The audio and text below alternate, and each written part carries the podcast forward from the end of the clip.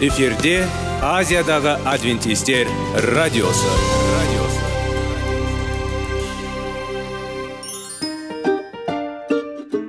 сәлем достар. Денсаулық өмір бұлағы және біздің бірінші байлығымыз демекші денсаулық сағаты рубрикасына қош келдіңіздер. Біздің рубрикада біз әртүрлі факторларменен мәліметтерменен кеңестерменен бөлісіп шын жүректен сіздердің дендеріңіз сау болғанын қалаймыз. Сол үшін біздің рубрикаға қош келдіңіздер. Дайындалып тұрыңыздар. Өйткені келесі минуттарда қызықты фактілерге ие боласыздар. Енді достар ең бірінші байлығымызды қолымызға алып алға кеттік.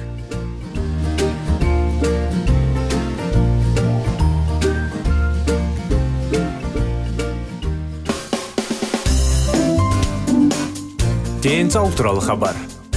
Денсаулықтың ашылуы. Күн сайын сөз үшін күшті кеңестер соңғы жаңалықтар қызықты факторлар. Біздің рубрикада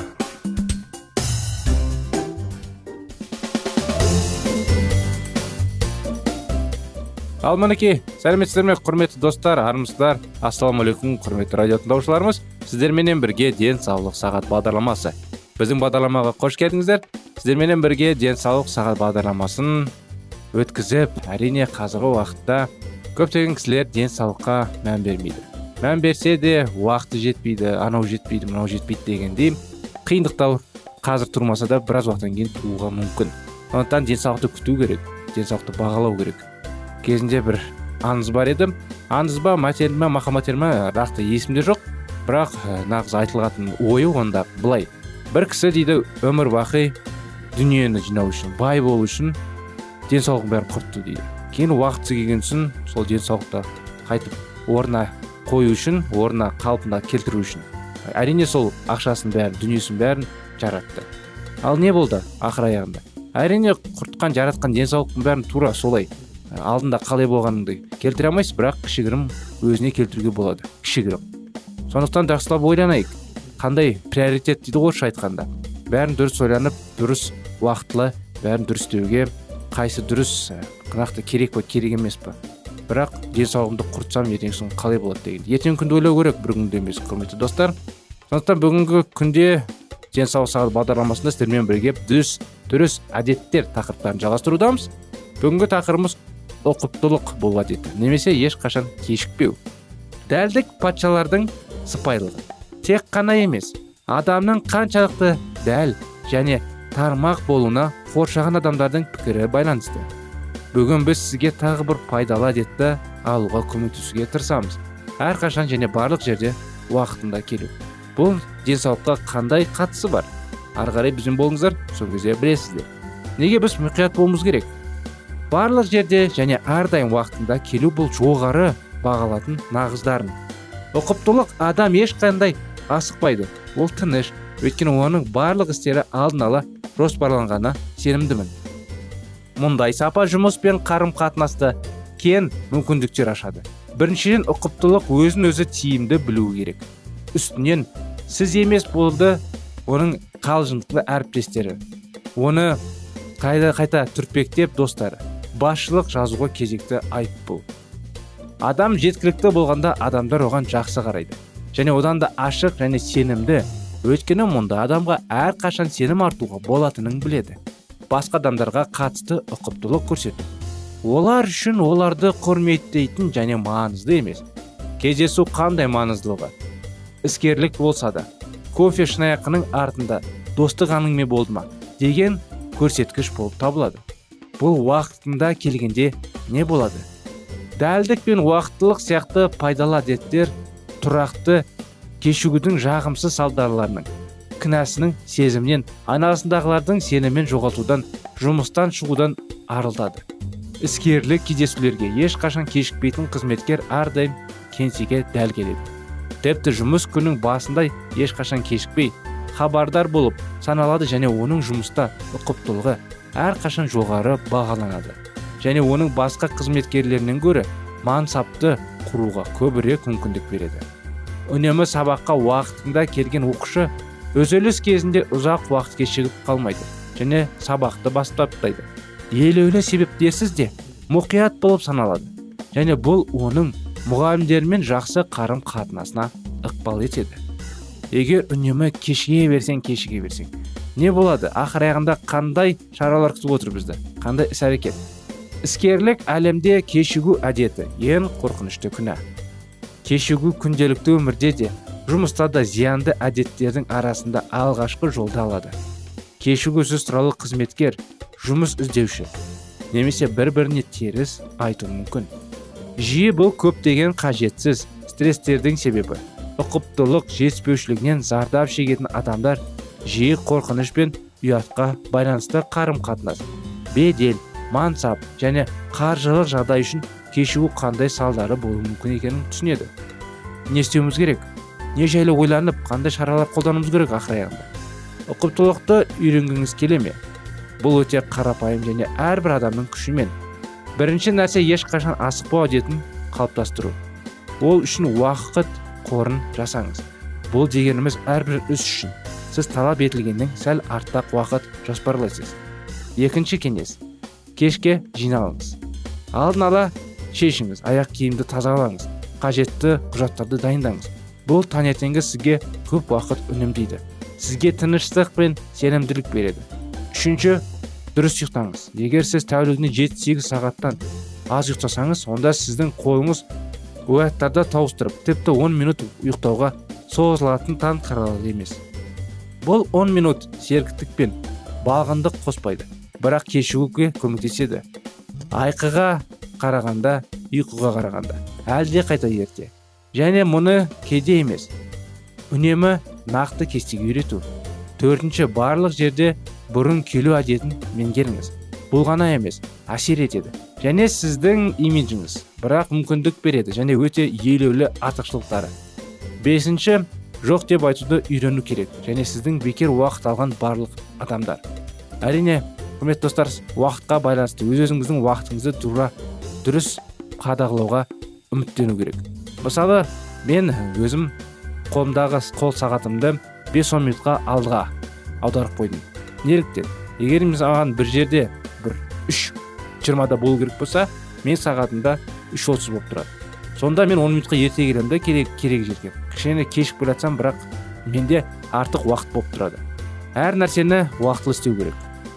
Барлығын уақытында жасау әдеті сізге артық күйзеліс пен ешелістен арылуға көмектеседі. Демек сіздің көңіл күйіңіз де жақсарады. Әрине басқалардың алдында да достарыңыздың болмаса жұмыстағы коллегаларыңыздың алдында және де бастықтардың алдында көз қарасыңыз олардың алдында көздерінің алдында сіз ұқыпты керемет орысша айтқанда ответственный адам боласыз. Сондықтан денсаулық пен денсаулықтың нығайтып ешқашан кешікпеу әдеті болсын. Сізге табыс тілейміз достар. Осымен бағдарламамыз аяғына келді. Келесі жолға дейін сау болыңыздар.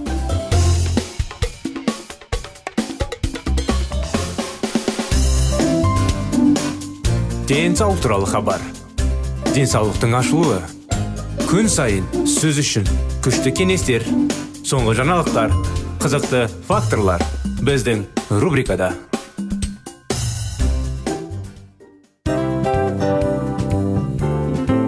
Әуелі байлық денсаулық екінші байлық он саулық үшінші байлық ақ жаулық. Ал енді осындай радио парақшадан кейін не дейміз? Барлықтарыңызға денсаулықтарыңыз зор болсын деп тілейміз. Денсаулықтың өзгеруі кішкентай нәрселерден басталады. Осымен біз берген кеңестер мен мәліметтер шын жүректен сіздер үшін қандай да бір болсын жәрдем берді деп үміттенеміз. Тыңдаушыларымызбен келесі радио парақшасына дейін қоштассамыз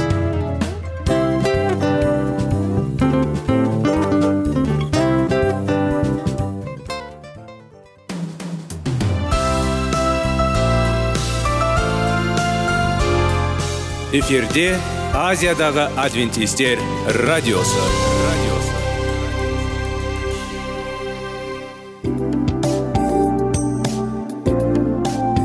Сәлем достар.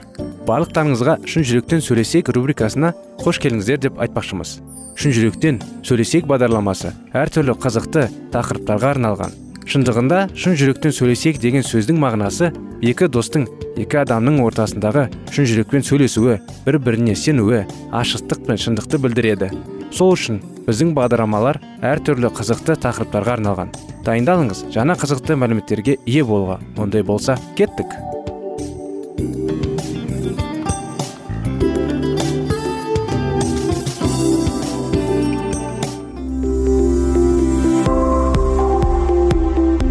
Алтын сөздер. Сырласу қарым қатынас жайлы кеңестер мен қызықты тақырыптар.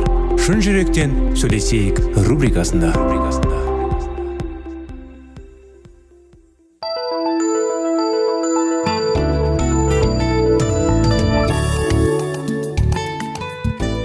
Сәлем достар. Армысыздар. Ассалаумағалейкум құрметті радио тыңдаушыларымыз. Шын жүректен сөйлесейік бағдарламамызға қош келдіңдер сіздерменен біргесіздер назарларыңызға шектеулер кітабын жалғасудамыз. Оян ей ұйқышыл рухани өлімінен тіріл. Мәсіх саған төгеді нұр. Келі кітап біздің нұрға бөленіп жүруіміз керектігі және нұр бұл біз құдаймен және айналамыздағы адамдармен қарым қатынасқа қол жеткізе алатын жалғыз нәрсе екенін туралы қайта қайта айтады.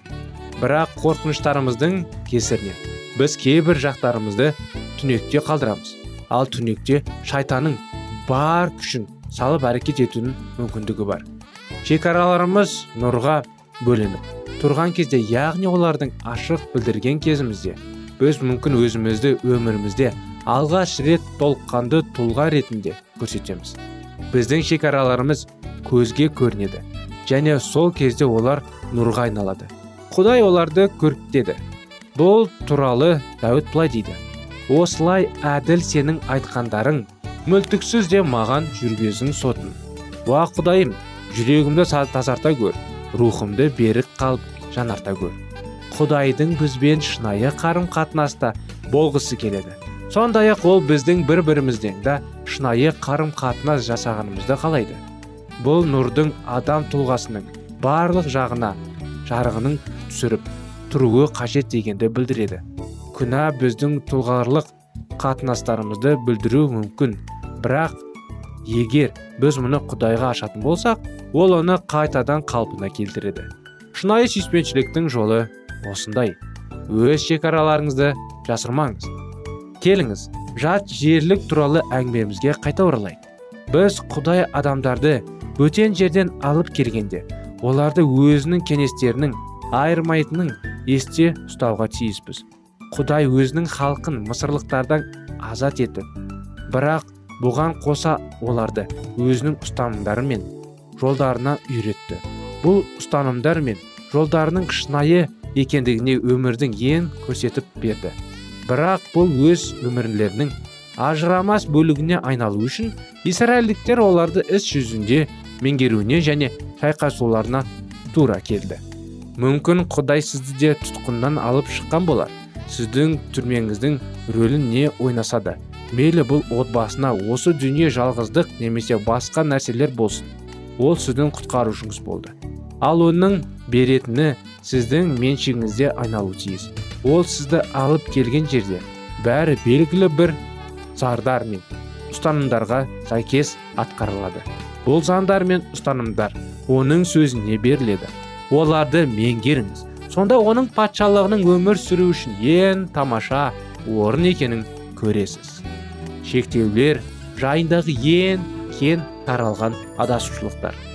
Осы адасушылықтардың кейбір бізге ата аналарымыздан мұраға қалды. Екіншілері біздің теріс түсінігімізді жеміс болып табылады. Бірақ шындыққа ұқсайтын осы айда ойдан шығарылған нәрселердің тамыры қайда болса да келіңіз. Олардың мінәжат етіп отырып зерттеп көрейік. Бірінші адасушылық егер шекаралар орнататын болсам онда мені өзімшіл болғаным. Тоқтай тұрыңыз. Өмір сәтке тоқтай тұрыңыз деді тереза басын шайқап. Өзіме мұқтаж адамдарға қарсы шектеу қоюға менің қандай құқым бар? Бұл құдай үшін емес өзін үшін өмір сүру дегенді білдіреді ғой.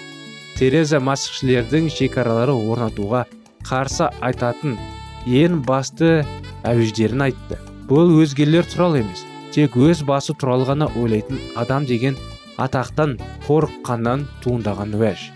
Біздің айналамыздағы адамдарды жақсы көруіміз керектігі өзгермейтін шындық болып табылады.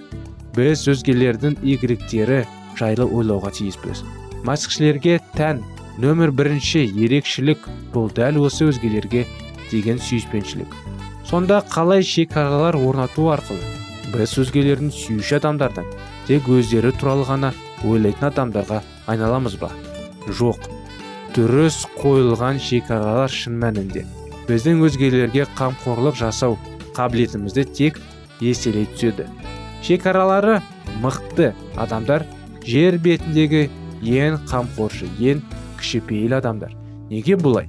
Біріншіден өсімшілдік пен қызмет етудің арасында біліп тұратын сызық жүргізіп алайық. Өсімшілдік өз қалауларына басты назар аударады және өзгелерді жақсы көруді қалмауды білдіреді. Қалаулардың өзінде тұрған жаман еш нәрсе болмағанмен қалау қабілеті бізге құдайдың берілгені олардың біздің міндеттерімізге қайшы келуіне және олардың шегіне шығып кетпеуіне мұқият қарауымыз керек. Екіншіден кейбір адамдар өздері мұқтаж нәрсеге қол жеткізуді қаламайды. Біреуі өзгелерді мұқият тыңдап үйрену үшін көмекке мұқтаж болуы мүмкін.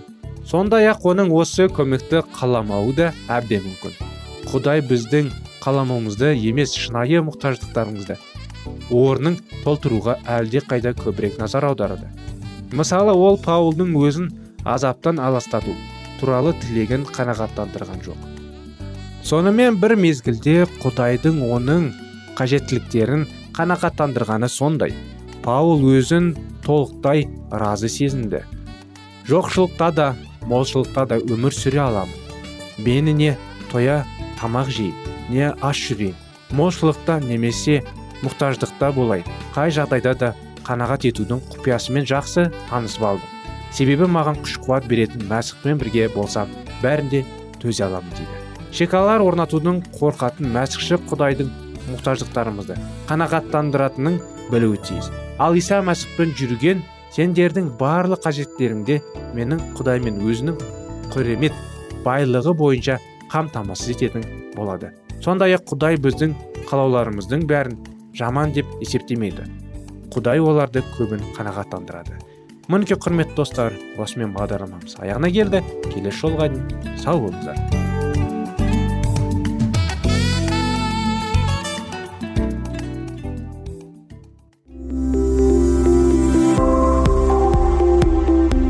Алтын сөздер. Сырласу қарым қатынас жайлы кеңестер мен қызықты тақырыптар. Шын жүректен сөйлесейік рубрикасында.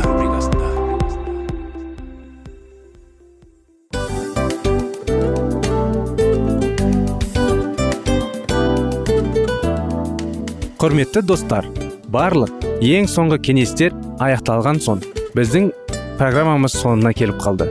Осы біздің мәліметтер осы рубрикада айтылған әрбір сөздер сіздерге өзінің қандай да бір пайдасын алып келді деп шын жүректен сенеміз.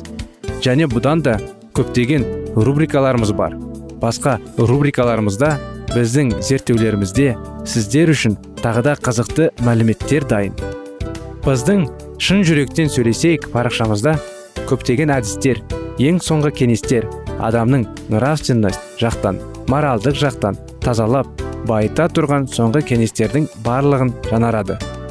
сондықтан алдыңғы күндерде бізбен бірге болыңыздар. Өйткені барлық қызықтар алдыда. Бізбенен бірге болғандарыңызға үлкен рахмет. Келесі кездескенімізше сау сәлемет болыңыздар.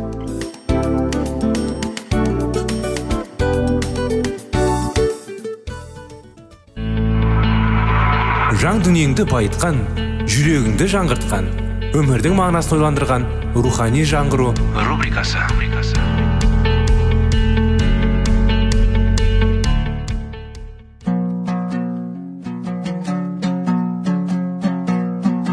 Ассалаумағалейкум біздің тыңдаушыларымыз.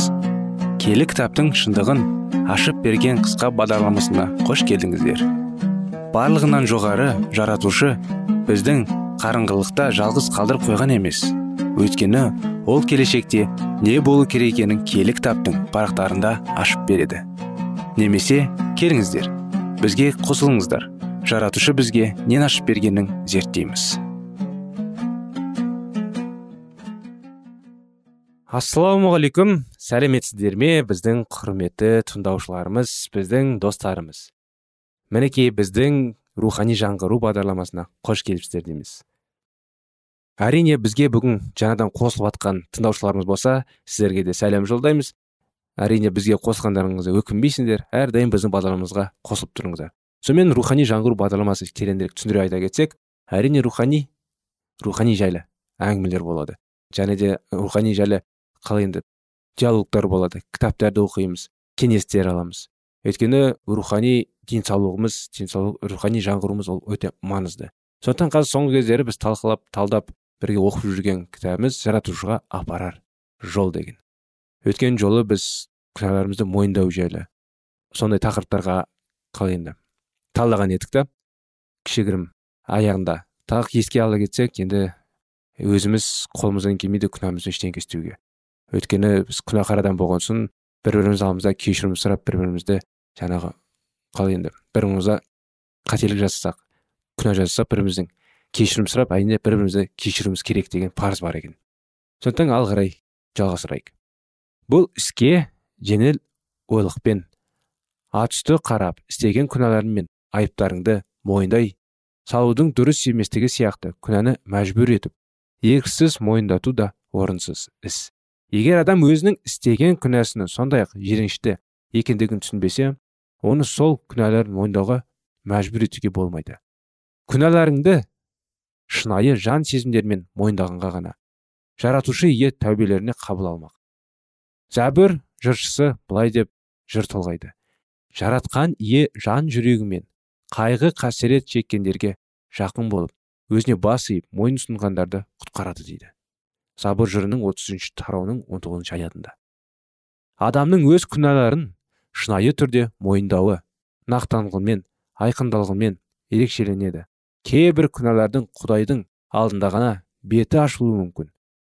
Басқалары сол күнәлар үшін азап көрген адамдар алдында мойындаңдар. Үшінші бір күнәлар қоғамға қарсы бағыттаулы мүмкін. Сондықтан да мұндай күнәлар көпшілікті алдында мойындалуы тиіс.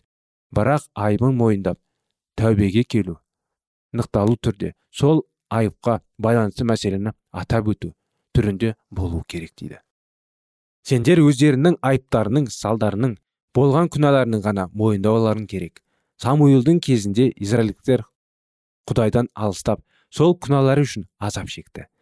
Құдайға деген сенімдерін жоғалтты және олардың күнәлары тек құдайдың алдында ғана ашылатындығы ұмытып оның даналығы мен құдіреті күші оларды басқарып тұратындар істерінен шығарып алды.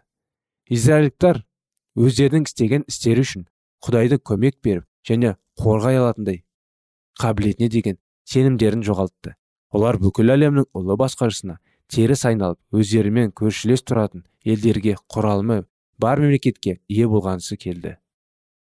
Олар бейбітшілікке жеткенге дейін өздерінің айыптарын нақтылы және түсінікті түрде мойындады.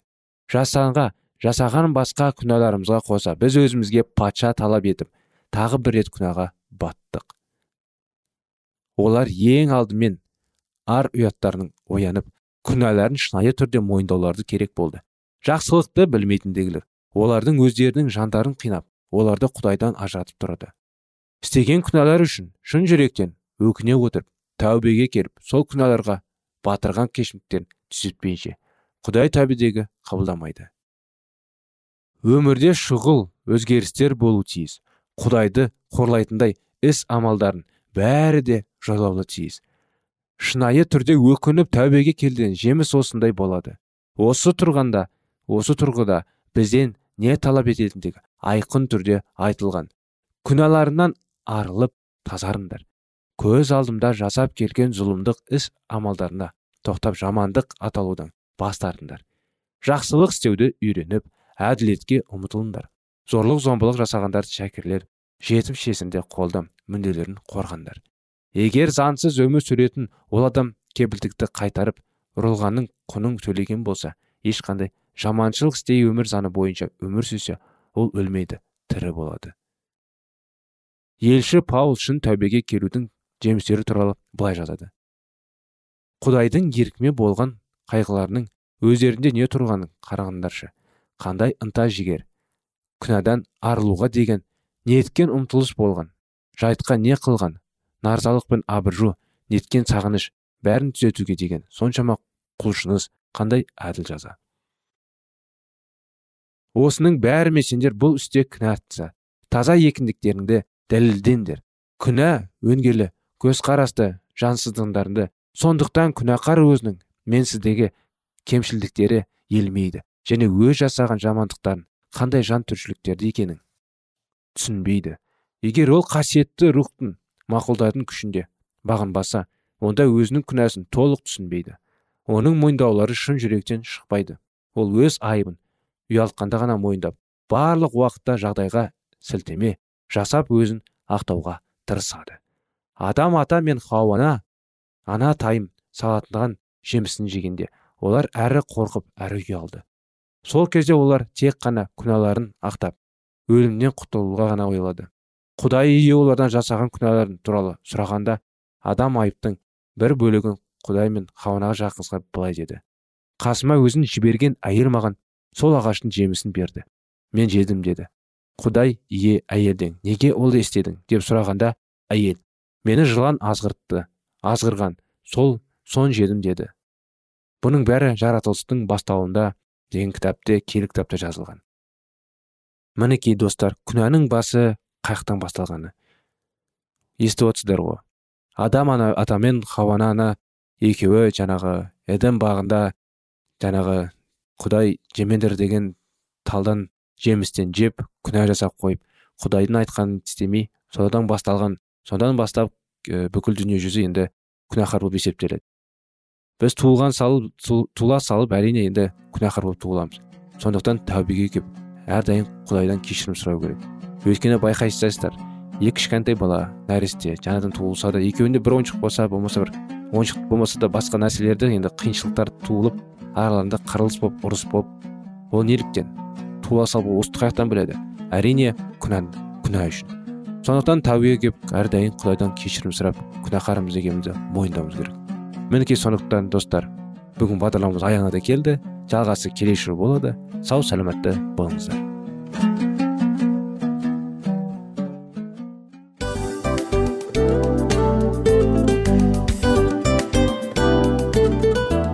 Достар біздің радио парақшамыз өзінің соңына келіп те қалды. Демек бұл программамыздың қорытындысын айта кету керек. Негізі істің басталып жатқаның қуанту керек пе? Әлде оның қорытындысы қуанту керек пе? Сіздер қалай ойлайсыздар? Меніңше қорытындысы деп ойлаймын. Себебі жасаған ісінің жемісін көріп қорытынды арқылы бағалап жүрегін қуантады. Баяғыда айтқандай бидайды сепкенде емес бидайдың жемісін жинаған кейін ыстық нанды жегенде кәдімгідей рахаттанасың ғой.